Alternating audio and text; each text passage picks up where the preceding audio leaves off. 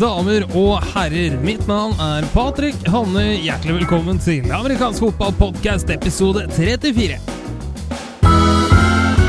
Den canadiske proffligaen CFL sparker aldeles straks i gang. Redaktør av fotball.com Jarle Magnus Henriksen kommer og forteller oss om denne sære, sære sporten.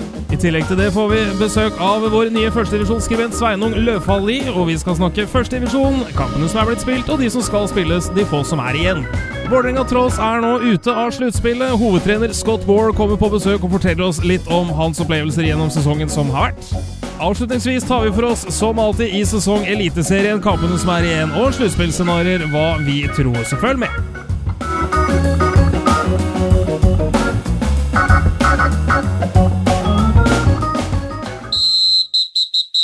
Velkommen tilbake her til eh, amerikansk fotballpodkast. Mitt navn er Patrick Hamnøy, og med meg som alltid redaktør av fotball.com, Jarle Magnus Henriksen. Velkommen! Tusen takk for det, Patrick. Hvordan har du det? Ja, det er greit.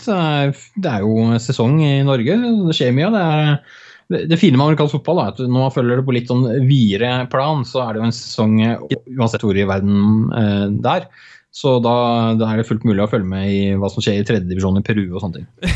Kanskje, kanskje en overdrivelse ettersom de ikke har noen tredjedivisjon der, men tredjedivisjon i Polen i hvert fall fins. Ja, og så er vel du sannsynligvis nedstilt Skandinavia, så følger vi på det. Men det er en uh, annen diskusjon. Det er en uh, annen serie som skal sparke i gang nå rett rundt hjørnet. Og nei, vi snakker ikke om NFL, men vi snakker om, skal vi kalle det, lillebroren straks nord for grensa. Canadian Football League sparker i gang sin serie den 23. juni, og de er allerede godt i gang med sin preseason. Jarle Magnus, du har jo um, en litt, skal vi kalle det ekstra forkjærlighet for uh, denne Canadian Football League. Hva, hva, er Canadian Football League for noe?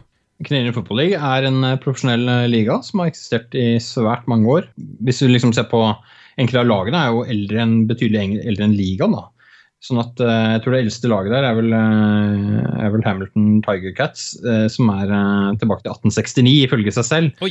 Og det er klart, Når vi vet når de første kampene ble spilt, sånne ting, så er nok det en sannhet med modifikasjoner. sånn at Det begynte som rugbyklubb, er jo sannheten. Mm. men ligaen har vært i veldig mange år, og de har, de har hatt noen tøffe år blant annet på midten av 90-tallet. Men de har stort sett greid å holde bra med tilskuere, og de har, de har denne kanadiske identiteten. og Canadiere er eh, hyggelige nordamerikanere, men de, de, har en forkjærlighet for at de vet at de er sitt eget land. da. Sånn at Når det er noe som heter Canadian Football League i tillegg, så AAA, da følger vi med på det. Vi skal snakke mer om selve ligaen, det er jo den vi skal diskutere i hovedsak. Men sånn, for de uinnvidde, hva er canadisk fotball? Canadisk fotball er en avart av amerikansk fotball. Det vil si at det er veldig mye likheter. Det er hjelm og pads, og det er taklinger, og det er ta imot ballen. Det er det samme system med, med, at man har forsøk, altså downs, og man skal ha et visst antall yards. Som for øvrig er det samme, men man har tre forsøk istedenfor fire på å komme ti yards. Og så er banen er noe lengre og bredere. Det betyr bl.a. At, at det er mer plass å gå på. Og fordi man har færre downs, så er det gjerne et litt mer eksplosivt spill, vil mange si. Det er litt sånn interessant kombinasjon der. Og så er det en del regelforskjeller som, som, gjør at man har noe enpoengsgreier og man har ditt og datt. Har, jeg syns noe av det beste er f.eks. dette med at de, de har ikke noe fair catch-regel, sånn som man har i, i amerikansk fotball hvis du kommer og løper ned mot han som skal ta imot punten, så må du være fem yards eller mer unna idet han tar imot. Poenget med det er at du får alltid en retur. Oh, ja. Så det syns jeg er veldig positivt. Det er alltid kjekt med retur. så, så, veldig bra. Og så er det hva skal du si for noe? Jeg, jeg syns den aller klareste forskjellen er vel kanskje dette med at, uh, at du kan ha flere som er i, i motion forover idet snappen går. Sånn at uh, det ligner på det som vi er vant til å tenke på for arena football, hvor det er akkurat samme greiene.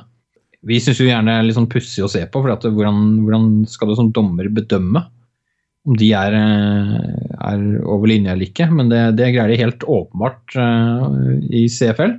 Så for de som kan dømming, så er nok det helt uh, kurant. For oss som følger med, så er det litt annerledes og litt annen taktikk som foregår der. Men kort oppsummert, det er altså en større bane, bredere bane, tolv mann på banen. Tre forsøk på å avansere ballen ti yards. Mm. Og flying start på de som kan ta imot. Ja, det er uh, riktig. De som er på, av line scrimmage. Da, av line scrimmage, nei, men Det var jo greit å få en kort oppsummering på det. Men tilbake til da selve, selve ligaen. altså Hvor stor er Canadian Football League, CFL? Ja, Det er jo da ikke sånn som NFL med 32 lag. Eh, det er litt færre folk i Canada. så er det, de, de, de har ikke de samme markedene. De, markedene, de har ikke de samme eh, Det er ikke så stort som NFL. Det er ikke nærheten av så stort som NFL. Uh, hadde du vært, hatt noen hundre millioner, så kunne du sikkert kjøpt deg et lag og, og levd godt allikevel. Sånn at det er det jeg jobber opp mot, da. og jeg ligger litt etter skjema, for å si det sånn. Men det er, det er ni Ni lag i ligaen. Det var åtte periode. Nå er det ni. Det har vært flere år, for den saks skyld. De hadde f.eks. en periode på 90-tallet hvor de hadde lag i USA, prøvde seg på det. Det gikk eh, heller eh, dårlig. Mm. Eh, men, men, de har ni lag. Eh, de lagene har eh, stort sett et sted mellom kanskje 18 000 og 30 000 tilskuere per hjemmekamp. Mm. Nå, nå, har jeg sett snittet for i fjor, tror jeg, så så jeg snitt på kampene og sånn. og det, det, har vært veldig bra den siste tiden, og det, det har ligget uh, greit høyt. Så har de fått inn uh, sånn som uh, Arawa Red Blacks. Interessant navn for øvrig. Ja. men de kom jo inn i ligaen for noen år siden, 2014, 2015-sesongen. Uh, og uh, vant jo Grey Cup, uh, som er da mesterskapet, nå sist. Grey Cup er for øvrig det soleklart mest sette arrangementet i Canada på TV og sånn, så, og det er, det er et kjempearrangement. Red Blacks er jo i hovedstaden Ottawa, sånn at å få et lag der igjen har vært viktig for dem. Jeg var jo så jeg har vært og sett kamper i CFL noen ganger, fordi jeg har så heldig at jeg har kanadisk svigerfamilie. sånn at jeg er der borte ja, i hvert fall annethvert år. Uh, og uh, i fjor var jeg altså både Ottawa Red Blacks på hjemmebane, og så så jeg Montreal Alouettes. Montreal spilte mot Saskatchewan.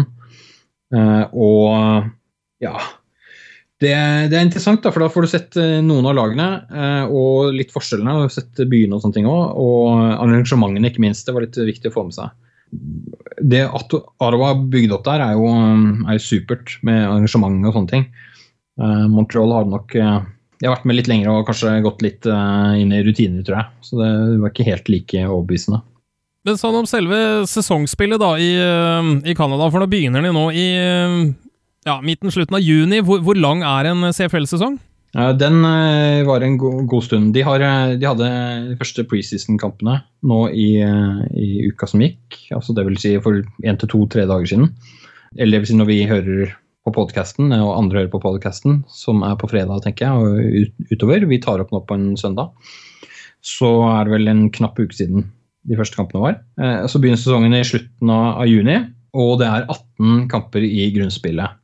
Og så er det et, eh, et kort uh, sluttspill. Det har jo ni lag i ligaen. Liksom, du kan liksom ikke ha 70 runder i sluttspillet.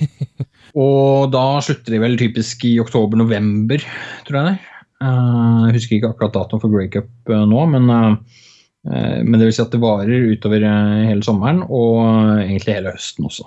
Da har vi en periode av uh, året hvor uh, CFL og NFL går uh, samtidig. Hvordan Altså, man skulle jo tro det er en, kanskje en viss flyt av spillere mellom NFL og CFL. Altså, foreligger den flyten, og i så fall når på året?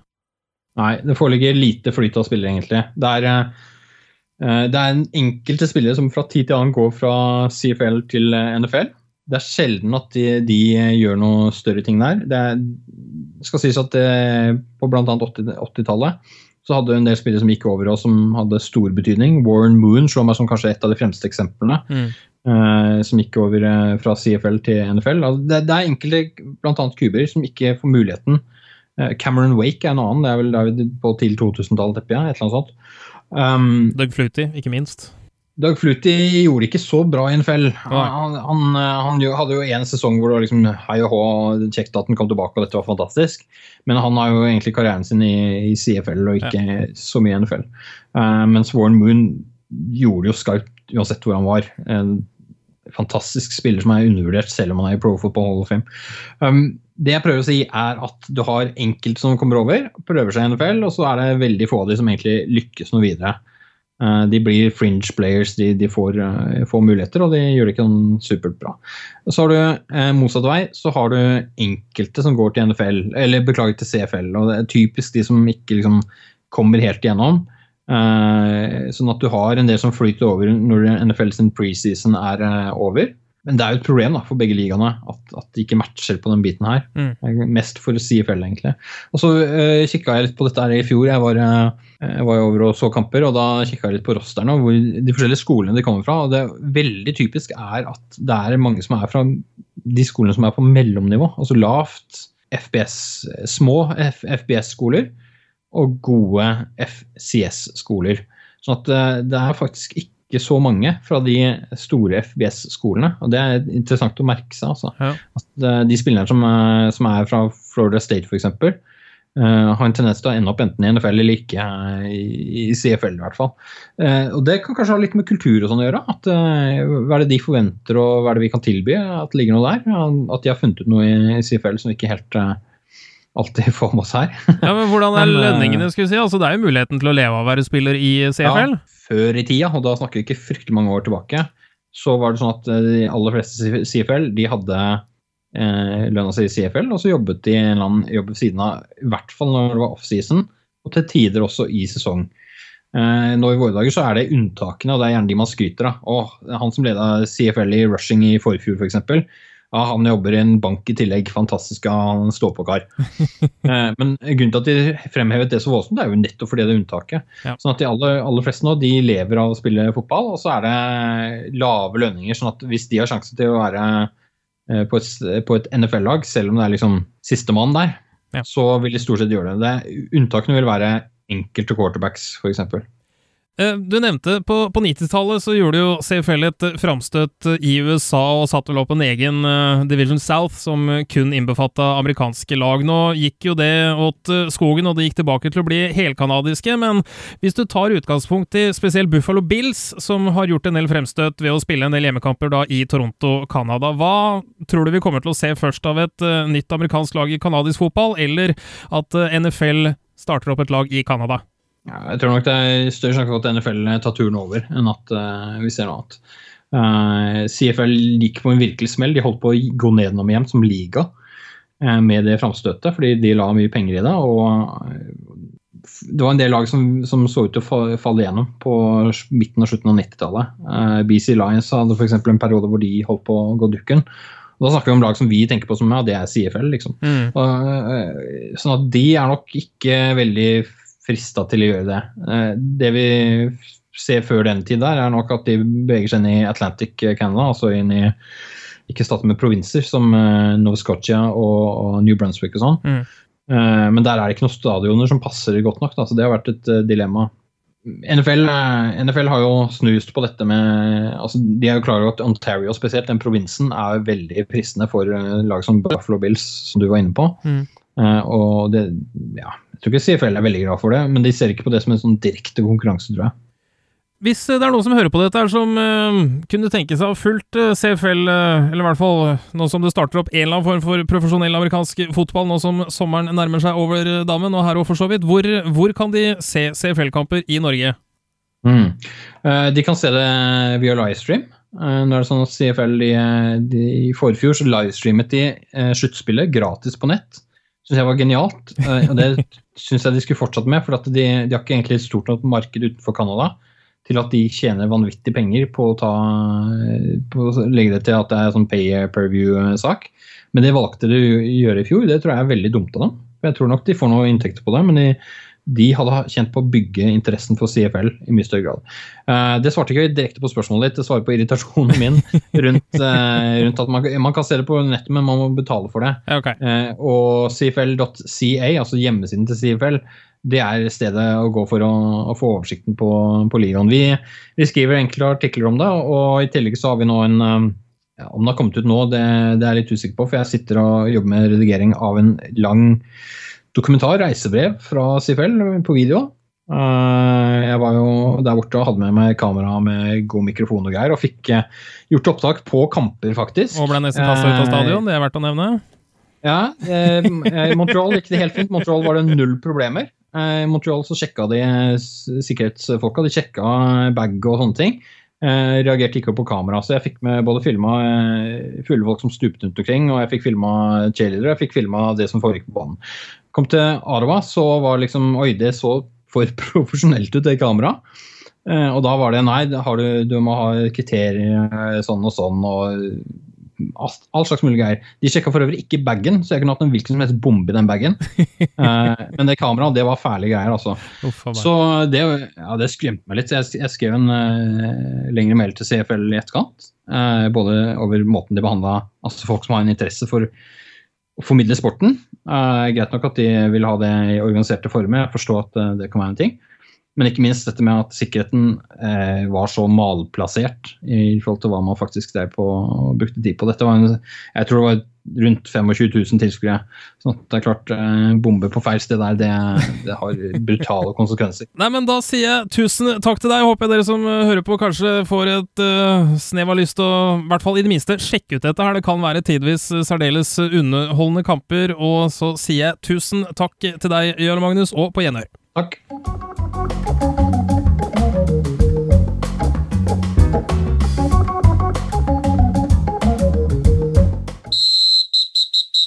Og velkommen hit til amerikansk fotballpodkast. Sesongen i Norge går mot slutten, og vi skal ta for oss hva som har skjedd i første divisjon siden forrige podkast. Med meg igjen, redaktør av fotball.com, Jarle Magnus Hedriksen. Velkommen til deg. Takk for det, Patrick. Og vi har fått besøk av avfotball.com sin faste førstedivisjonsskribent. Sveinung Løvfalli, velkommen skal du være. Mange takk. Du uh, har jo skrevet for eh, oss en stund, men det er jo første gang vi har deg her på, um, på podkasten. Uh, hva, hva, driver du med til daglig? Til daglig så er jeg jo uh, lektorstudent i Tromsø. Og, ja. og, med det så hører det jo også med at jeg har med Tromsø Trailblazers å gjøre. Ja. jeg var jo en av initiativtakerne der og har og har trent klubben i noen år. Og Nå er jo den litt nede sånn for årets sesong, i hvert fall, så da har du brukt tida di på, på å skrive for oss klubben har litt nedetid, og noe må jeg jo gjøre. Det er vi glad for at du har brukt energien hos oss, i hvert fall. Vi skal um, snakke som nevnt eh, litt om uh, førstedivisjon. Da syns jeg egentlig at vi bare hopper rett i det. Den første kampen vi skal ta for oss, det er da Kolbotn Hunters på bortebane mot Haugesund Hurricanes. Kampen ble spilt den 3. juni og endte opp i et uh, ganske solid uh, i en ganske solid borteseier for Kolbotn. Du hadde jo tippet en hjemmeseier til Haugesund, Sveinung, men det ble det altså ikke Hvorfor, hvorfor ikke? Ja, jeg, jeg, må egentlig bare korrigere deg. For at uh, her så hadde ikke jeg trådt inn som, uh, som spåkone igjen, da. Oh, var det sånn det var? det, det er først, det er først nå i runden som var, runde åtte, hvor jeg gikk inn som spåkone. Okay. Og, jeg må jo si at jeg er jo truffet langt bedre enn den tidligere eksperten på den fronten. men, uh, men, jeg kan jo si helt kort nettopp hvorfor Haugesund tapte denne kampen. Ja. Og det har med å gjøre at Kolbotn eh, rett og slett er for uh, store og sterke for dem. Haugesund har en, um, har en ung spillestall, og, og det, tar jo, det, tar jo, tid å, å, både bygge opp den styrken, men også den rutinen og hvordan bruke den krafta man innehar, som, som, en del av Kolbotn-spillerne har. Og det ble tydeligere og tydeligere at, at, Haugesund ikke var i stand til å stoppe Kolbotn sitt, sitt løpespill. Jeg syns vel eh, kanskje at eh, Kolbotns offensive linje leverer den beste kampen de har uh, spilt så langt i sesongen. Noe som ga uh, running backen deres, Pontus Rulander, bedre, bedre, muligheter for eksplosive spill. Så kort oppsummert så vil du rett og slett uh, si at dette var fysisk overlegenhet fra Kolbotn sin side? Det var nok i, i, ganske stor grad det. Det er jo to forholdsvis jevnstore lag i, i form av at de har omtrent like mange spillere. Da Kolbotn tok med seg nok spillere Eh, over fjellet til Vestlandet, så, så, viste det seg ganske fort at uh, det var tilstrekkelig for å ta seieren. Da fortsetter vi egentlig rett videre til den andre kampen som ble spilt uh, den runden, og det var den 4. juni. Kristiansand Gladiators uh, tok imot uh, Olavs menn. Og når vi snakket om denne her i, i podkasten, så hadde vi vel sett for oss et særdeles motivert Olavs mennlag med tanke på den eksepsjonelt jevne kampen de spilte i Sarpsborg, men sånn ble det ikke. Nei, inntrykket var eh, at de kom til å reise med rubbel og bit, eh, inkludert en herremann som heter Tor Kampe. Eh, han Sorry å si det, Olavsmenn, men det er en markant stor forskjell når han er på banen versus når han ikke er det. Og hadde det utgjort den forskjellen som skulle til her? Kanskje ikke, for Kristiansand hadde forberedt seg godt, og Olavsmenn taklet ikke det på samme måten. Det er bl.a. en del kickoff her som man jeg, jeg, er litt usikker på om Olavs menn har orket å analysere og se på den kampen i etterkant. altså. Hva synes du, Sveinung? Var det Viser tallene en, Representerer den den overkjøringa som du faktisk var? Vel, jeg, jeg synes kanskje at tallene viser at amerikansk fotball på mange måter er en sport som går ut på å gjøre færre feil enn motstanderen. Ja. Hvor, um, hvor det, er jo en, det er jo en special teams-tragedie eller komedie, litt ut ifra hvilket, uh, hvilket, perspektiv man har. Uh, jeg, jeg, husker ikke helt uh, riktig hvor mange onside recoveries um, som, um, som Kristiansand endte opp med på, på, slutten av kampen, men det var rimelig mange. Det kan stemme fire. Fire, fire kan nok stemme. Og, og, og, man kan jo bli overraska første gang, ikke sant? Ja. Men, eh, men, når det, her da har skjedd flere og flere ganger, så må man jo på et eller annet tidspunkt begynne å gjøre noen justeringer. Og jeg, jeg vet jo at eh, jeg vet jo at Travis, med hovedtrener eh, for Sarpsborg, var særdeles lite tilfreds. Og han, han, pekte jo på at det er jo ikke nybegynnere som gjør de her feilene, og som er ute på special teams, men det er spillere som kanskje har tre-fire sesonger bak seg, og som, og som, rett og slett gjorde mentale feil. Mm. Og det straffer seg. Man ser jo, Når vi kommer til andreomgangen, så, så ender jo den 7-7. Og det er jo en langt jevnere kamp, selv om jeg nok synes at uh, Kristiansand er i bedre posisjon til å skåre flere poeng enn hva Haugesund er. Men, uh, men like fullt så ender det jo andreomgang uavgjort. Den uh, gjorde det, bare for å holde oss litt der, Jarle Magnus. Altså, Special Teams er en, er en, viktig del av det, ja. Men likevel så unnlater ikke dette her at Sarpsborg ikke klarte å skåre mer enn sju poeng på, på, hele kampen. Ble Kristiansand for sterke, rett og slett? Ja, de, de, er i utgangspunktet et, et sterkere lag. Olavs menn viste gode kvaliteter i kampen de hadde i Sarpsborg og har vist gode kvaliteter i løpet av sesongen. Men det har også, vi har, vi har, sett at det er et par spillere som er ekstremt sentrale. hvor Kuben Joakim ja, hva er det for noe? Junov Rindberg ja. er den ene. Og, og Tor Kampe er blant ja, Det er vanskelig å ikke nevne hans egentlig først. Han er så utrolig markant når han er på banen. Han var ikke med, og det, da er det et annet lag. Jeg tror nok eh, det var en virkelig oppvekker. og Jeg tror nok ingen der hadde drømt om det resultatet. Men det tror jeg heller ikke Kristiansand hadde gjort. Nei. Eh, sånn at eh, det var nok mye dagen. Det var mye som stemte. Det. Jeg snakket litt med Gøran Thomassen, som er hovedtrener i Kristiansand, i etterkant. Eh, og eh, han påpekte vel at eh, de hadde godt dagen. Og så tror jeg de, de, de, fikk en liten sånn ekstra hjelp av oss med at vi tippet at Olavs menn kom til å vinne, så vidt det var. Og det, det, vet jeg at de var veldig glade for, det tipset der nede. Og brukte, brukte godt. Da spørs om Olavs menn var like glade for det, men det får vi komme tilbake til ved et senere tidspunkt. Vi skal fortsette med den siste kampen som er blitt spilt avviklet sin forrige podkast, og det var Olavs menn igjen. Denne gangen på hjemme hjemmebane mot eh, Haugesund Hurricanes. Det ble spådd en uh, trygg hjemmeseier til Olavsmenn, og det ble det jo også. Så Sveinung, uh, ingen større overraskelse den kampen her? Nei, det, det vil jeg ikke si. Det var jo um, Det er jo Haugesund mangler en del, mangler en del spillere når de reiser til Sarpsborg i dette oppgjøret. Blant annet så mangler de jo hovedtreneren sin, Andreas Hustoft. Ja. Og, og de mangler um, Alberto Osorio, som, er, uh, som, spiller running back for dem. I hele tatt så er det et svekka lag som stiller, og det, det vises nok. Og det er jo sånn um, det, er jo for, det er jo lenge forholdsvis jevnt i den kampen, men når man kommer ut i fjerde kvarteret, så begynner det jo å vises mer og mer at det er mange spillere som ikke er til stede. Mm. Og når man blir sliten, da, så blir distansen mellom de to, lag, eh, de to lagene større. Men du klarte jo likevel eh, Haugesund å putte tolv poeng på, på Sarpsborg Olavs menn, da, og mot uh, Kolbotn så klarte du ikke å skåre noe som helst. Altså, hvor, hvor, er forskjellen her? Er det forsvaret til Hunters som er såpass mye bedre enn Olavs menn, eller hvor tror du forskjellen ligger sånn umiddelbart? Jeg tror, jeg tror, egentlig det har, det har, litt med marginer å gjøre. Sånn som på den på den siste scoren til, um, til, Haugesund, så starter de jo med veldig god eh, field position. Og så blir de hjulpet av en penalty. Og til syvende og sist så er det Sindre Saltveit som er quarterback som springer inn uh, en touchdown på en, uh, på en, scramble på det som i utgangspunktet skulle være et pasningsspill. Den er uh, god. Da var, var, det en relativt trygg hjemmeseier for Sarpsborg Olavs menn der. Det var altså de kampene som er blitt spilt siden forrige podkast, og vi skal nå ta for oss de kampene to siste kampene som skal spilles før ja, neste podkast der igjen. Den første kampen ut den 18. juni. Kolbotn Hunters tar imot Olavs menn. Sist så ble det en ganske solid seier til Olavs menn. Nå spiller de på bortebane. Hva tror du om den kampen, Sveinung? Jeg har litt, uh, er litt vanskelig for å tro at Kolbotn vil klare å vinne dette oppgjøret.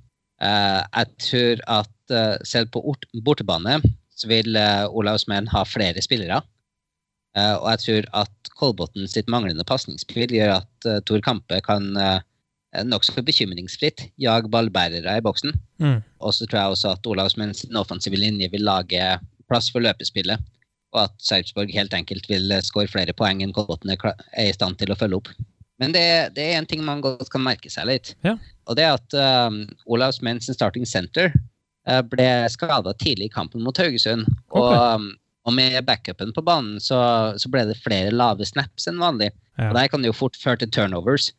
Så det kan, eh, det kan, være noe å følge litt med på i det kommende oppgjøret. Og I særdeleshet i et eh, såpass timingbasert angrepsspill som det Sarpsborg kjører. Hva tenker du, Jarle Magnus? Er det en rimelig antakelse å spå seier til Olas menn her? Jeg tror både med eller uten Tor Kampe, spørs om han tar turen helt bort til Kolbotn, så, eh, så, tror jeg nok det er Olavs menn som skal ha favorittstempelet i den kampen. Altså, jeg tror nok og håper at Kolbotn Hunters ser på det som en vinnbar kamp. Eh, og at de eh, legger kreftene i å prøve å vinne akkurat den kampen. For de har gode nok kvaliteter til at de kan overraske. Men da må det jo være noen play action-pasninger som sitter i tillegg til, eh, til løpsspillet. Og i den aller, aller siste kampen i uh, førstedivisjon 2017 så skal Kolbotn Hunters til perse nok en gang. Denne gangen tar de imot det som da er blitt serievinnere i førstedivisjon, Kristiansand Gladiators. Sist gang overbevisende seier for Kristiansand. Sveinung, tror du det endrer seg foran den kampen her? Har vel uh, i grunnen liten tro uh, på at det kommer til å endre seg noen betydelig. Jeg vet ikke om uh, det er så veldig mye å si om akkurat det. Det er en, det er en kvalitetsforskjell på lagene. Det har vi vel egentlig konkludert med tidligere også. Jeg vet ikke om du har noe mer å tillegge der, Jarle Magnus? Nei, det eneste er Det er 25. juni, det er siste seriekamp. Eh, hvis eh, halve Kristiansand eh, stikker på makrellfiske eller et eller annet skjer, så kan det bli spennende. Det tror jeg ikke foregår. Gøran og kompani er såpass ivrige på den 6-0-sesongen sin at, at, de stiller nok med sterkt nok lag til at Kolbotn får problemer i dette oppgjøret. og Da blir det borteseier. Da er det altså spådd en eh, relativt trygg borteseier her fra begge dere to. Da tror jeg vi egentlig sier eh, takk for analyser og innspill på kamper som har vært spilt, og de som skal spilles. Sånn på tampen, Sveinung, åssen ligger han i Tromsø? Jeg vil si at pilene peker oppover. Vi, vi mangler helt enkelt nye offensive linjemenn. Ja. hele den offensive linja vår flytta fra byen. Og, og, da er det jo litt krevende. Det skjønner jeg. Har dere satt dere noen, eh, noen, noen tids, tidsmål på eventuelt når dere kommer i serien, eller er det litt opp i, opp i det blå? Nei, vi, har, um, vi, vi, håper jo å komme tilbake fortest mulig. Men, uh, men vi har en rekrutteringsplan uh, på plass for, um, for høstsemesteret nå. Det kommer jo også litt nye studenter. Ja. Og så får vi se hvordan det utvikler seg. Da venter vi i spenning til neste gang. Jarle Magnus, tusen takk. Takk for det. Og Sveinung Løvfaldi, tusen takk til deg. Ha det bra.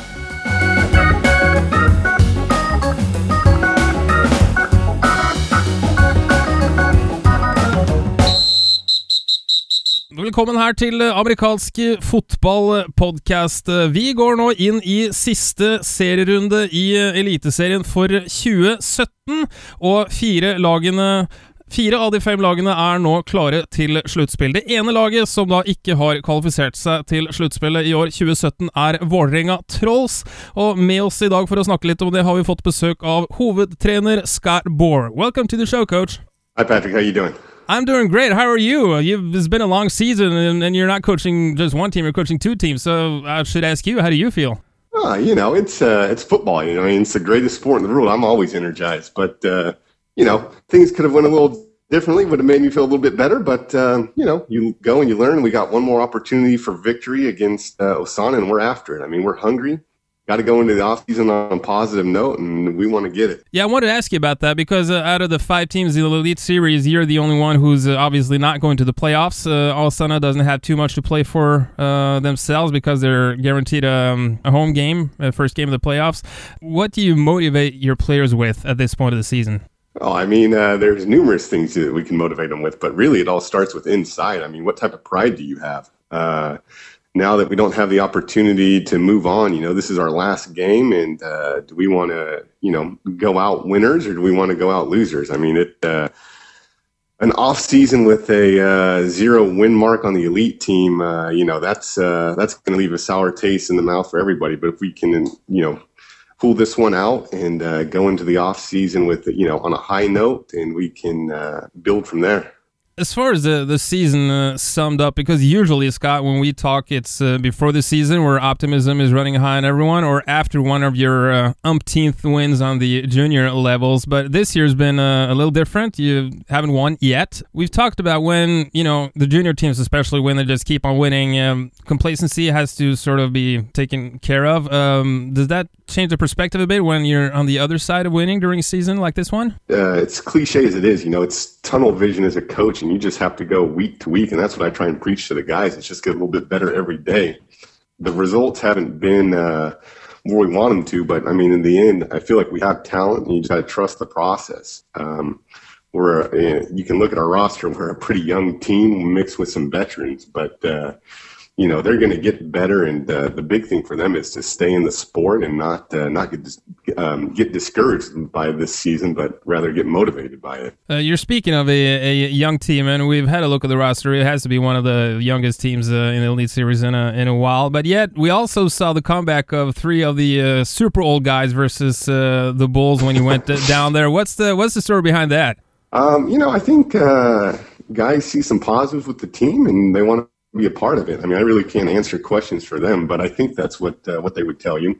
Um, you know, and it's always good to uh, to have those guys leaderships around. I mean, uh, they bring a different perspective to the game, and I mean, uh, young guys full of testosterone, ready to go. It's nice to have uh, some uh, calm, even kill veterans around. So it it makes things a lot easier. It helps having kind of coaches on the field, on the sideline. Um, a different perspective of things. So that's uh, it's um, huge benefit to have. You've also uh, been head coaching the um, second division team uh, that has gone undefeated in uh, this year's uh, Division Two. Does that make the Elite Series a little bit uh, easier to handle, so to say? Oh, it's never easy to lose, and I mean, uh, you know, I I approach it one game at a time, and that's how we approach it as a club. Is you know, there's always another opportunity for a win. So I mean, fortunately for the second team, you know, we've came out on top every time, but it doesn't make anything sweeter or or vice versa. Uh, I'm just proud of those guys. I mean, they haven't really got a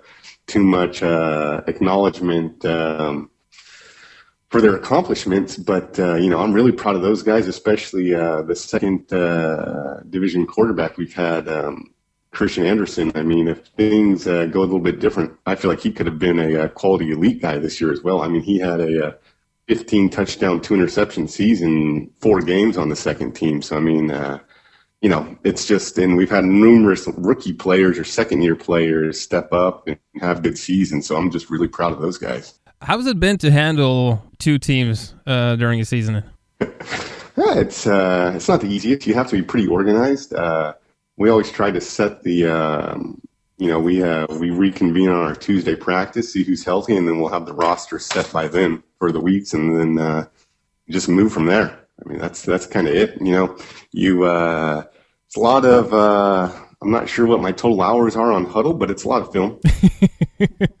I can absolutely imagine. Uh, you mentioned the quarterback on the second division team, and I think also the, the quarterback depth for the Trolls as a as a whole has to be the largest in the country, probably the biggest we've seen in years. I would assume that's a, a nice problem to have, but does it uh, pose any other issues that someone might not think about? Uh, I don't think it really poses any issues. I mean, how we run practice, everybody's getting reps. We have high tempo uh, everybody gets a chance to be better, and uh, you know, give it to the credit to the guys that have uh, been a part this year. They've uh, they've all made leaps and bounds from when we started to now. You know, that's uh, uh, Christian, as I've already mentioned. Max, we have a rookie named Espin. You know, who's an adult rookie who I normally wouldn't recommend guys like that playing quarterback, but you know, he came in and he's leaps and bounds better than he was at the start of the year. And then we also have uh, Johannes Mo and Brage Horby, who are just two uh, rare talents in the country. So I mean, it's uh, it's really great to have those guys.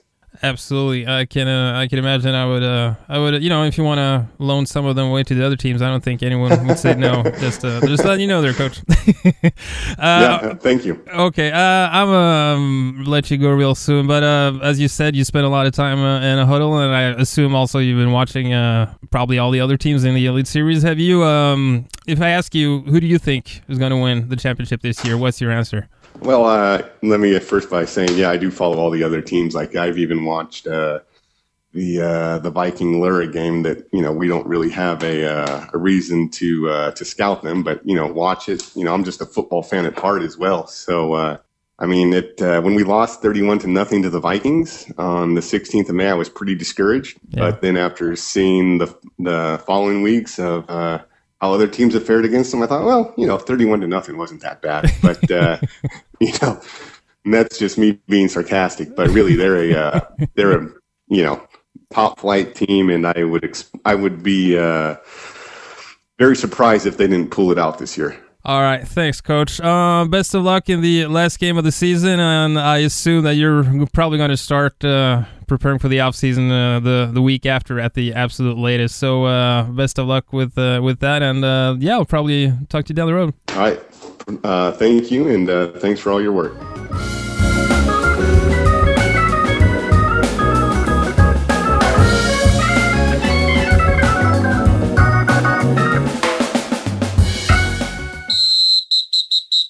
Og sist ut her i amerikansk fotballpodkast skal vi ta for oss de kampene som er blitt spilt i Eliteserien, og de få, få kampene som er igjen av årets grunnserie i Eliteserien. Med meg, redaktør av fotball.com, Jarle Magnus Henriksen, velkommen!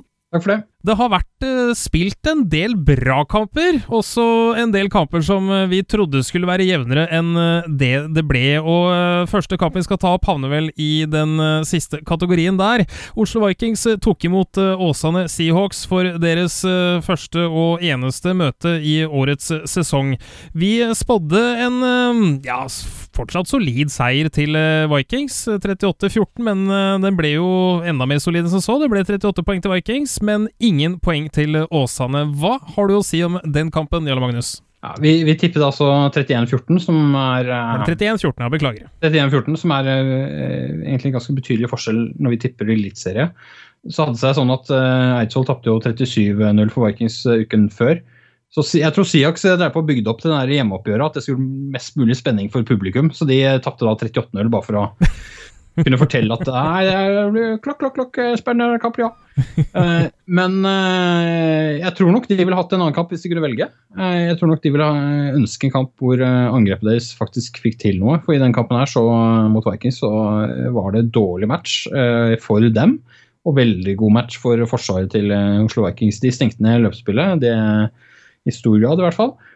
Eh, men aller mest så var det et pasningsspill som ikke satt i det hele tatt for uh, Seahawks en del. De fikk stressa Conor Lynch, og de fikk uh, interceptions. Det fungerte ikke uh, for Åsane. Så det var en markant forskjell på de to lagene. Jeg tror ikke um, at den forskjellen kan utjevnes i løpet av sesongen. Men jeg tror nok at Seahawks bør kunne ha et bedre resultat neste gang de møter Vikings, hvis de møter Vikings i sluttspillet. Og Det var egentlig det vi tenkte å nevne om den kampen. Vi fortsetter videre til eh, noe av de mer, eh, eller sannsynligvis et av de mest spennende oppgjørene i norsk serie noensinne. Lura Bulls tok imot eh, Vålerenga Trolls.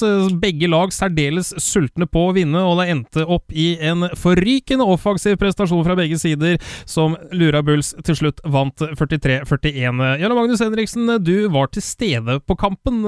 Hvordan, hvordan var det å se den?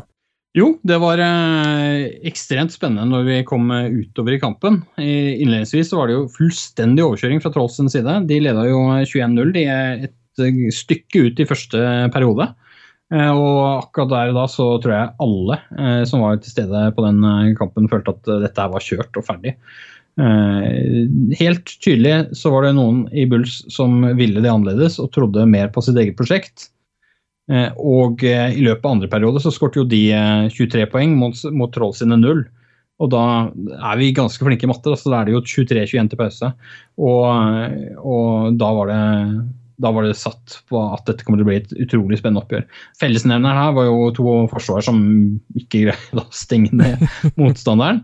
Eh, og begge lagene slapp jo også inn 20 poeng eh, hver i, i, andre halvdel av kampen. Mm. Um, I tillegg så, så, er det sånn at uh, dette var en situasjon hvor hele kampen så ser du liksom begge angrepene får til å bevege ballen. Det blir spørsmål om hvem som gjør flest mulig tabber. Så gjør Lura noen tabber, og så scorer Trolls. Så de leder, altså Bulls leda 23-21 til pause, men så kom Trolls tilbake, og så leda de med 11 poeng på et tidspunkt. og Da tror jeg vi var tidlig i fjerde periode. Lurer på om det var åtte minutter eller syv og et halvt minutt igjen, eller sånt, så det var midten kanskje av fjerde periode, før Bulls greide å komme seg tilbake. Og så var det sånn at når de gikk opp til den ledelsen, 43-41, så var det fremdeles nok tid igjen til at uh, Trolls kunne trave ned banen nok en gang. Og det gjorde de. Eh, og så presterte de å misse på et uh, field goal, og da uh, var det fortsatt tid igjen. Og da så de fleste for seg at ja, nå kommer Lura til å gjøre et eller annet noe triks i ludo. De har ikke, ikke, fått til å løpe ballen egentlig så langt i kampen, men de må gjøre et eller annet i den døren. Nei da. De prøver seg første forsøket på å løpe, og så blir det jo smekka ned i bakfeltet, da, for alle venter jo på det. Mm. Eh, og da går de rett til pasningsspillet istedenfor. Så de fjerde, fire forsøkene på den driven går jo superfort, og da blir det punt. Ja. Så får Trolls ballen igjen og får en ny sjanse, og ja da, de er fornøyde, de. Så de traver nedover banen nok en gang og får et siste forsøk. Eh, det er ett sekund igjen av kampen. Når Petter Torp har eh, klatret seg utover sidelinja Eh, for å stoppe klokka. Og eh, er, her er spørsmålet, ikke sant? Det er 25-30 yards eller noe sånt eh, igjen til endzone. De har fått det offens hele dagen. De har Petter Torp på laget. De har andre receivere som har vist evner i løpet av denne kampen. De har Max Emanuelsson som har på dette tidspunktet 479 yards mm. passing. Hva med å kaste ballen ned i en sånn? Så tenker de nei, det sikre valget her er Filvold, og jeg tror ingen hadde stilt spørsmål med det hvis de hadde, ikke hadde bomma, som de da ender opp med å gjøre. Eh, og, ballen i dette tilfellet går den for kort i forrige, det forrige filmvalget vi snakket om, så gikk den til siden, tror jeg. Eh, men å huske det. Mm. Det var et skikkelig dårlig spark. Dette her sparket var ikke skikkelig dårlig, det var bare for kort. Eh, og da bryter jo jubelen løs med masse rogalendinger som løper rundt og både feirer at det ikke regner og eh, at de har vunnet kampen. Så det var, eh, det var kjempebra kamp. Kubiene dominerte i den forstand at Max Emanuelsen hadde jo da 479 yards, tre touchdowns, ingen interceptions. Mens Chandler Whittlesey han starta, det første han gjorde, var å kaste interception. Ja.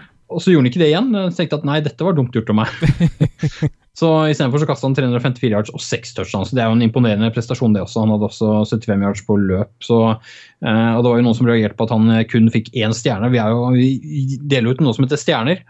Og de er blitt ekstremt viktige etter hvert, eh, skjønner jeg. Eh, den delte vi ut bl.a. til Max Emanuelsen. Så, delte vi tre, tre stjerner, som er liksom det høyeste vi gir, til Stian Gjelstad, som var en receiver som han er ca. 13 cm høy. Ja, på høyden med quarterbacken til Lura, da, med andre ord. Ja, vi prøver å skaffe litt folk som gjør at det er ekstra plass i bussen, for å si det sånn. uh, da kan kjøre minibuss. Uh, og poenget her er jo at, at uh, ikke bare en ung spiller, men også en, en spiller som har virkelig stått fram i år. tre touchdowns hadde han, hadde 125 yards, så det, det var en stor prestasjon fra hans side. Så veldig bra kamp, veldig spennende kamp nesten synd at et lag måtte gå tapende ut av den gapen. Eh, på den annen side, å spille uavgjort er jo som å kysse søstera di, så ingen vil jo det heller. Nei. Og det var altså kampene som eh, ble spilt eh, helgen 3.-4. juni, og vi beveger oss videre til eh, neste serierunde. Den 10. juni tok Oslo Vikings imot Lura Bulls. Bulls fortsatt høye, skal vi si, på seieren, eller etter seieren de fikk mot Vålerenga, og Vikings hadde vel kanskje sett for seg å cruise inn dette her på lik linje som de gjorde mot Seahawks. Det ble jo en solid seier til Vikings, 34-13, men Bulls har tydeligvis lært seg å putte poeng på Oslo Vikings. Vikings. Hva har vi å si om den kampen, Jarle Magnus? Den ble langt eh, jevnere i store deler av kampen enn vi hadde forutsett. Eh, det var sånn at eh, det endte nesten likt. Vi hadde tippet 34-7 til Vikings over Bulls, og Vikings vant 34-13. Jeg tror nok heller ikke Bulls hadde helt alle i hvert fall, hadde helt troen på at dette skulle gå, men de dukket opp og gjorde det de kunne. Litt begrensa spillerstall. Det hadde Vikings òg. De mangla også et par viktige spillere, så vidt jeg så. Mm. Men eh, hva så? De spillerne som er der, er der. Og det var jo helt klart gjenkjennbare lag. Det var kjernen av de lagene som vi pleier å se. Eh, og så gikk eh, første periode 0-0. Oi, jevnt. Spennende. Ja. Så greide Vikings å sette en scoring. Det var vel et løp, om jeg ikke husker feil. I løpene var det Jesper Haug Jørgensen, hvis det ikke var Lorenzo, men jeg tror det var Jesper først. Husker jeg ikke akkurat nå. Um, nei, vent nå, det var han fæle cornerbacken. Han som løper rundt og vi ikke visste navnet på før sesongen, men som er liksom Hvor han kommer fra. Han kommer fra juniorprogrammet til Vikings, Ja. Eivind Rølles. Eh, og har virkelig vokst til å bli en fantastisk eh, cornerback. Eh, og han fikk en pasning som eh, jeg tror Chandler eh, ruller ut fra pocketen. Ble Blir jaget av noen litt eh, for trege mennesker, som allikevel er litt irriterende. og så prøver han å finne en receiver som kommer over midten.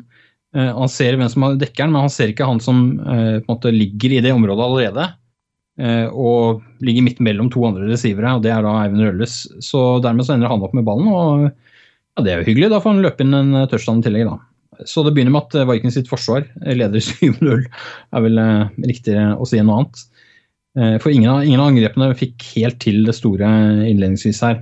Det som fremkommer tydelig av statistikk, i hvert fall, at Vikings la vesentlig mer fokus på løpespillet denne kampen, sett opp mot Ja. det de gjorde mot eh, Åsane. Er det litt for å utnytte hva skal vi si, det litt dårligere forsvaret til, eh, til Lura, eller hva, hva tenker du? Nei, de hadde jo suksess med det i, i første kamp mot Lura. Det var, det var sånn de fikk gang eh, på angrepet i den første kampen. Hvor, eh, hvor eh, Lura stengte dem ned tidlig. Og så eh, Jeg tror faktisk det var Jesper Haug Jørgensen eh, som eh, kom på et løp som gikk for si 25 yards eller noe sånt i, tidlig i denne kampen. Nå er vi 30. april. Og da fikk de balansert dette her, og fikk, da fikk de på en måte oppdaget at hei, vi kan vi kan spre dem ut utover på banen, og de kan bli usikre. Da har vi kontrollen på dem. Og det var litt sånn samme, samme det gikk for, syns jeg. eh, En god del av, denne kampen. Og så er det også sånn at når de hadde fått en grei ledelse, så begynte de å løpe mer. Da. Så det vi ser på statistikk, er jo sluttstatistikken. Det har skjedd ting før den tid. Så, så det viser ikke helbildet på, på den måten. Eh, Men, men poenget er jo at, at eh, når, når de leda 7-0, så 7 og en donut. ikke sant? Det er jo det de har hatt hele veien nå, etter den første kampen 30. Så kom Lura tilbake de, og skårte på en eh, pasning til eh, Edvard Duvsæter fra Whittlesea. Eh, og der er det vel, så vidt jeg kan se, da, for det er litt jævlig dårlig filmkvalitet, Mm. så er det han Eivind Rølles som ikke lykkes med, med forsvaret på akkurat den pasningen. Han skulle kanskje hatt hjelp av safetyen der også, det ble vel heller ikke helt optimalt. Da blir det 7-6. Eh, og, og sånn står det en god stund. Så vi kommer inn i tredje periode, så blir det 14-7, og så blir det 21-7, og da, da begynner man å tenke at ja, ok, nå er det kjørt. Uh, så kom Lura tilbake. 21-13. Så det holdt seg jevnt lenge, men når vi kom til den 21-13, og da er vi kommet inn i fjerde periode, tror jeg, så, eh, og Vikings har begynt, de begynte vel i andre halvdel, kjørte, no- kjørte no huddle. Det, det vet jo for så vidt ikke vi. Vi vi har jo sett det på kampfilmen, Mm. som er spill for spill, og vi ser ikke egentlig huddles, og vi ser ikke hva som foregår mellom spillene. Men eh, de, er, de har mer krutt enn det Lura har. De har mer å, å gå på, og, og de har mer energi i slutten av kampen. her. Sånn at uh, Når de da går opp til 28-13, så er det litt kjørt. altså. Da, eh, og Lura har på en måte pasningsspillet sitt, så greier man å demme opp for det, så er mye gjort. Og det, det greide Vikings her. Så fikk de den siste eh, touchdown, 34-13, som Jeg er ikke imponert over alle spillernes innsats på Lura og Bulls sitt forsvar i, på akkurat det spillet. Okay. Det, dette kunne fort endt opp som 28-13 istedenfor. Men det blir som det blir, eh, og det er Vikings som er eh, Norges beste lag. Ferdig med det. Det var altså kampen eh, mellom Oslo Vikings og Lura Bulls eh, spilt den 10. juni. Vi skal ta for oss den siste kampen som er blitt spilt i Eliteserien sin forrige podkast. Åsane Seahawks tok imot Eidsvoll 1814s i eh, noe vi hadde spådd skulle bli en jevn affære. Vi spådde at eh, Eidsvoll skulle vinne kampen, men det ble altså hjemmeseier til Åsane Seahawks 26-20. Den eh, kampen også ble jo en eh, såkalt rysare, som man skulle sagt på svensk. Ja, vi tippet jo det. Vi tippet eh, 26-28, altså at eh, Seahawks skulle skåre de 26 poeng, 26 poeng de skårte, mens Aiton Fortner skulle få 28. Um, Da var nok en forutsetning i våre tanker at løpspillet til Eidsvoll lyktes bedre enn det det gjorde. Uh, For det gjorde det ikke egentlig. Uh, Seahawks eh, de hadde jo gått opp på loftet og funnet fram det de kunne av gamle bergensere. Eh, og når jeg sier gamle, så blir jeg litt sånn flau, for det er folk som er yngre meg. men, eh, men eh, Tor Arne Thorsvik var henta inn på D-line. endelig. Han har de ønsket å få inn lenge. Og han gjorde en fantastisk innsats innledningsvis og var med og stengte ned løpsspillet i stor grad. Det er klart Når vi sier stenge ned løpsspillet, så lyktes jo ikke hele kampen med det. Og blant annet I begynnelsen av andre halvdel så kom det en del løp fra Eidsvoll som, som, gjorde at statsen viser mer yards enn det inntrykket var lenge av kampen. Eh, jeg, jeg må si at jeg syns eh, Eidsvoll så best ut innledningsvis de første minuttene. Da syns jeg det var en markant forskjell, og jeg trodde det kom til å gå én vei. Eh, og så så er det litt sånn som Åsan at uh, når det, det, går litt tid, og sånn, så de har tro på sitt eget prosjekt. da, sånn at De gir seg ikke, og de gir ikke opp. og Når de da får en touchdown, så er det plutselig så er det de som er, er førersetet. Og så, er, så, tar de den rollen og går opp til 14-0. Og, og, på det tidspunktet så tenker jeg jøss, de har jo stengt ned det Eidsvoll har. De har jo fullstendig kontroll her. Jeg ser ikke helt hvordan Eidsvoll skal greie å score. da. Så eh, det var ikke noe jevn kamp på det tidspunktet. Eh, så kom vi til pausen, og da er det tydelig at det er noen som går og snakker sammen i garderoben. For når Eidsvoll kommer ut da, så er det et helt annet lag og, og jobber mye bedre for å komme tilbake. Og de kommer tilbake 14-7. Men de greier fremdeles ikke stenge ned Åsane sitt eh, angrep eh, skikkelig. Hvor også må nevnes at, at Åsane har fått på plass Simon Sommerfeld, hovedtreneren. har i tillegg til å løpe rundt på treningene, så har han begynt å løpe rundt i uniform og pads og hjelm. Eh, og nå også på kampen. Han er jo en formidabel spiller når han er på banen, så det hadde en stor betydning. Også han som skåret den første touchdown til Åsane. Eh, I tillegg så har de fått inn en som heter Erik Nødtvedt. Og for de som kjenner norsk-amerikansk fotball litt, så er jo det en av de bedre receiverne som har vært de siste årene. Ikke alltid han har eh, Jeg vil tippe at hadde vi hatt statistikk for alle årene, så hadde han nok ikke vært mest dominerende der. Hvis du ser på hender og egenskaper på å løpe rute og sånne ting, så vet de fleste at det er en svært svært god spiller. Og det, det var avgjørende for Åsane sin del. For Han eh, tok imot et par touchdowns, hvorav i hvert fall den ene den tror ikke jeg det er mange andre receivere i landet som hadde tatt imot. Det var Petter Torp i tilfelle. Eh, Arne August for den saks skyld, men han eh, får ikke ballen så mye på mm. pasningsspiller. Og det er, det er for så vidt også et spørsmål. Eh, for her måtte Eidsvoll til lufta, og det prøvde de hardt på, og fikk for så vidt til.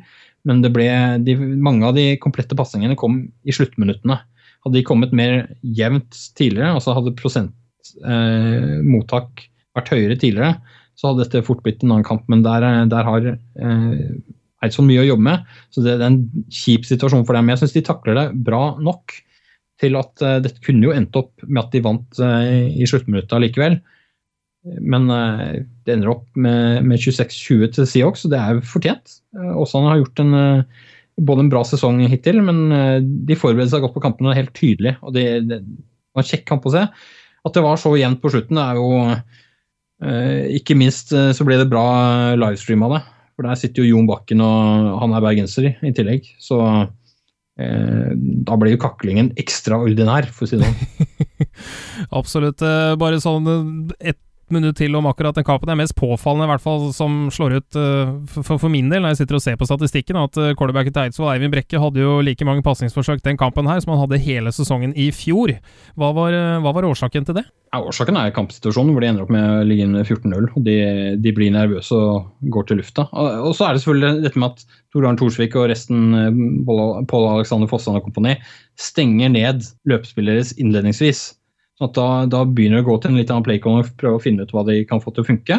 Og så sliter de med det fram til de eh, i begynnelsen av andre halvdel finner ut at nei, vi må tilbake til dette løpsspillet vårt, sette det, og så kan vi spille av det. Men det lykkes de delvis med, og så må de allikevel liksom, de må hente inn 27 som de greier, og, og gjør til 2020, eh, hvor det bl.a. er en touchdown-pasning. Eh, men de, de, bruker for mange forsøk. De bruker for mange forsøk Eh, for å lykkes med de pasningene. Den er nok med 41% completions, hvorav eh, jeg tipper at hadde vi sett på de to siste drivene, så tror jeg vi hadde sett ganske mange completions i, eller prosent eh, høyere da enn resten av kampen. Så det, de har en del å jobbe med der.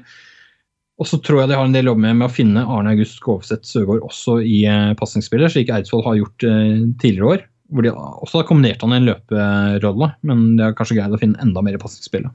Og de har jo fortsatt to kamper igjen, så det kan jo hende at de klarer å bruke han enda bedre de gjenværende kampene. Det var altså kampene som er blitt spilt siden forrige podkast. Vi skal ta for oss de som skal spilles fremover. Vi begynner med kommende helg.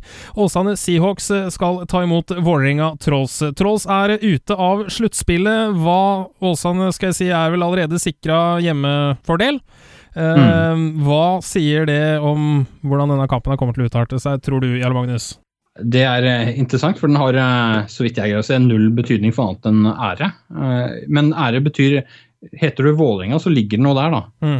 Jeg, jeg mener Det er vanskelig for å se at ikke de eh, prøver å spille på det internt og sørge for at laget drar over og gir jernet for å sørge for at man vinner en siste kamp og viser, eh, viser at man ikke er det dårligste laget i Eliteserien. Eh, så er det klart at det vil de være uansett på tabellen. da. Eh, det er ikke sikkert de blir det på power ranking hvis de virkelig slår til. Eh, Åsane Seahawks har blitt et sterkere lag utover sesongen, i tillegg til at de var ganske sterke eh, allerede når sesongen begynte. De har fått selvtillit, og de viser at de vet hva de driver på med. Så jeg tror de er vanskelig nødt å knekke på hjemmebane for Trolls. Og jeg tror nok eh, kanskje at den seieren går til hjemmelaget. Du skal få slippe å spå noen resultater, for disse kommer jo i før runden-artiklene våre, som kommer ut på torsdager. Men eh, sist gang de møttes, så ble det en jevn affære med 33-21-seier til Seahawks på Jordal. Eh, Ser du for deg en eh, lignende kamp, eller blir det en mindre jevn? Nei, med, mindre hvis Vålerenga har falt helt sammen, i den forstand at liksom, spillerne har tatt sommerferie allerede. Det tror jeg ikke. Jeg tror ikke de er den typen lag. Vi har jo sett at de har blitt færre spillere i løpet av sesongen, men de har ikke blitt så mye færre, og kjernen har vært der. Så eh, jeg tror det vil bli jevnt. Men ja, klart dukker de opp med 18-19 spillere, da blir det noe annet. Men jeg, jeg tror ikke det. Altså. Jeg tror de dukker opp eh, sterkt nok. Da snakker vi 35 spillere eller noe sånt. Til å gjøre en habil innsats, og så kan de, de kan potensielt vinne kampen. Jeg tror mer, mer på at Åsane vinner. Den er grei. Vi fortsetter videre med neste kampen. Uh, Eidsvoll 1814s tar imot eh, Lura Bulls. Eh, disse lagene har vel ikke møttes hittil i sesongen, har de det, Jarle Magnus? Nei, dette er første og eneste oppgjør mellom dem i denne sesongen. De har en lang historie for møtes, sånn at eh, de kjenner hverandre godt. Og, og eh, jeg vet ikke om jeg skal si det er en rivalitet der, men det er, det er klart det er oppgjør som begge lag liker å vinne. Det betyr mye eh, i dette oppgjøret, fordi eh, vinneren der vil sannsynligvis ende opp som nummer tre på tabellen. Nå går jeg nesten ut fra at Eidsvoll taper i siste runde, 25.6 mot Oslo Vikings. Ja. Eh, De kan vinne den, men jeg, jeg går ut fra at de, de taper den. Da blir det sånn at Hvis Eidsvoll taper på hjemmebane mot Lura, så, så vil de da ende opp som nummer fire istedenfor nummer tre. Det betyr at man har semifinale mot Oslo Vikings istedenfor eh, mot Åsane Seahawks. Det er for så vidt interessant. da. Jeg, jeg tror jeg aldri på at laget går inn for å tape på dette nivået. Da, da er de på feil nivå. Det er det uansett, for så vidt. Men det er klart, eh, det er jo kortere avstand til Frogner da, i hvert fall enn det er til Bergen. Og det, jo for Luras en del så er det jo Jeg vet ikke, jeg. eh, Er Åsane en mer overkommelig oppgave for, for Lura enn det Oslo Vikings er? Jeg tror at de lagene som går inn i en semifinale i NM, må ha som tanke at vi skal gå inn for å vinne NM-gullet. Da er det hipp som happ, altså. Mm. Da, er det, da handler det om å vinne det. Eh, Jeg tror at eh, det har mye å si for Lura sin selvtillit om man vinner på Bøen. Eh, Ikke sikker på om det blir noe lett oppgave mot et Eidsvoll som må gjøre noen justeringer etter Åsane-kampen, selv om det er en annen motstander. Men hvis du da skal, uten å tippe et resultat, spå noe utfall, hva skulle du spådd der? Uh, da tror jeg man må lese før runden. Jeg kjenner at eh, jeg skal spørre litt andre folk rundt også, for jeg har nok hjerte for Lura Bulls til at, eh, at jeg kommer til å tippe på dem nå. Ja. så jeg skal rett og slett spørre litt rundt, og så skal jeg skrive en, eh, en forhåndsartikkel litt basert på en konsensus rundt flere tips. Så det er ikke sikkert at det tipset er mitt helt personlig. Da skal du få slippe unna med å ta noe konkret stilling til det når vi tar for oss den aller siste kampen eh, i eh, årets serie, mer eller mindre. Grunnserie. Mm. Den 25. juni, på Bøen, Eidsvoll 1814s tar imot eh, Oslo Vikings, eh, som vi har jo nevnt innledningsvis. Den kampen eh, gikk jo ganske én vei i Viking sin favør. Nå spiller de da på Bøen. Ser du for deg noe, noe annet resultat denne gangen? Ja, det gjør jeg, men ikke annen her. Men jeg ser for meg at det blir et annet resultat, og at det ikke blir en så utklassing som det ble forrige gang. Eh, Det, det tror jeg ikke det blir. Um, ja, hva betyr den kampen for begge lagene? Oslo Arkis eh, vil jeg tro har et sterkt ønske om å gå ubeseiret gjennom sesongen. Det betyr mye for dem sånn sett. Det er en rivalitet mellom de klubbene. Eidsvoll var særdeles misfornøyd etter forrige kamp, og ikke bare med resultatet, men måten det resultatet ble opplevd på, hvordan dette foregikk på, på banen og sånn. Så jeg, jeg tror det har mye å si for dem. Eh, om de taper eller vinner mot Lura Bulls, tror jeg egentlig ikke har så mye å si. Altså, for dem så handler det om å, å, vinne de kampene uansett, tror jeg. Eh, det er kulturen på Eidsvoll, og sånn skal det være. Så um, jeg tror nok Vikings vinner den, men jeg tror det blir en jevnere kamp enn det vi så på Frogner. For mer detaljerte analyser om hver enkelt kamp, så er det da altså bare å gå inn på amfotball.com hver torsdag ettermiddag kveld, så slipper vi da før runden, hvor vi da går gjennom kamp for kamp og hva vi tror om det. Så følg med på den. Da tror jeg jeg sier eh, tusen takk til deg, eller Magnus. Nå nærmer det seg snart uh, sluttspill. Skal det bli godt, godt å få, få litt hvile, eller? Ja, det vil jeg tro også gjelder enkelte spillere har, og trenere som har lagt ned masse innsats. Men jeg merker jo det at vi er litt som et eh, typisk andredivisjonslag. I den forstand at eh, det er noen eh, som drar lasset. Noen få ildsjeler av oss. Og så skulle vi gjerne hatt flere skribenter som, som gjorde jobben. Så det, det, er, det går mange timer i løpet av en uke. Det er omtrent som å være hovedtrener for et eliteserielag i antall timer, vil jeg tro. I hvert fall sånn jeg var hovedtrener for et eliteserielag selv. Ja så er det like mange timer. Men det er, forskjellen er at man ikke står på et uh, forblåst treningsfelt uh, i det hele tatt. Og man blir ikke målt på resultat på samme måten. Uh, folk har riktignok synspunkter, men det er herregud, det er ikke i nærheten av å være det samme følelsen som når du sitter og trener for et lag og sliter med det. Absolutt ikke. Vi setter uansett pris på dine innspill og analyser. Redaktør av fotball.com, Magnus Henriksen, tusen takk. Takk for nå. Det var alt vi hadde for denne episoden av amerikansk fotballpodkast. Vi håper at dere har hatt en hyggelig time her sammen med oss, gjengen i amfotball.com. Kom gjerne med tilbakemeldinger, ønsker, kritikk, forespørsler, hva det nå skal være via Facebook-siden Amerikansk fotball eller via vår hjemmeside amfotball.com. Til neste gang, på gjenhør.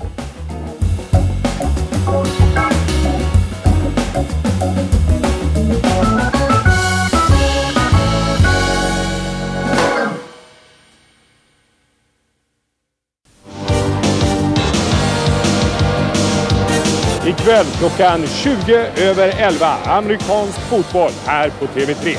Vi visade Super Bowl från i fjol. Det var en urspännande match mellan San Francisco 49ers och Cincinnati Bengals. Vi ses här på måndagskvällarna på TV3. Amerikansk fotboll från NFL.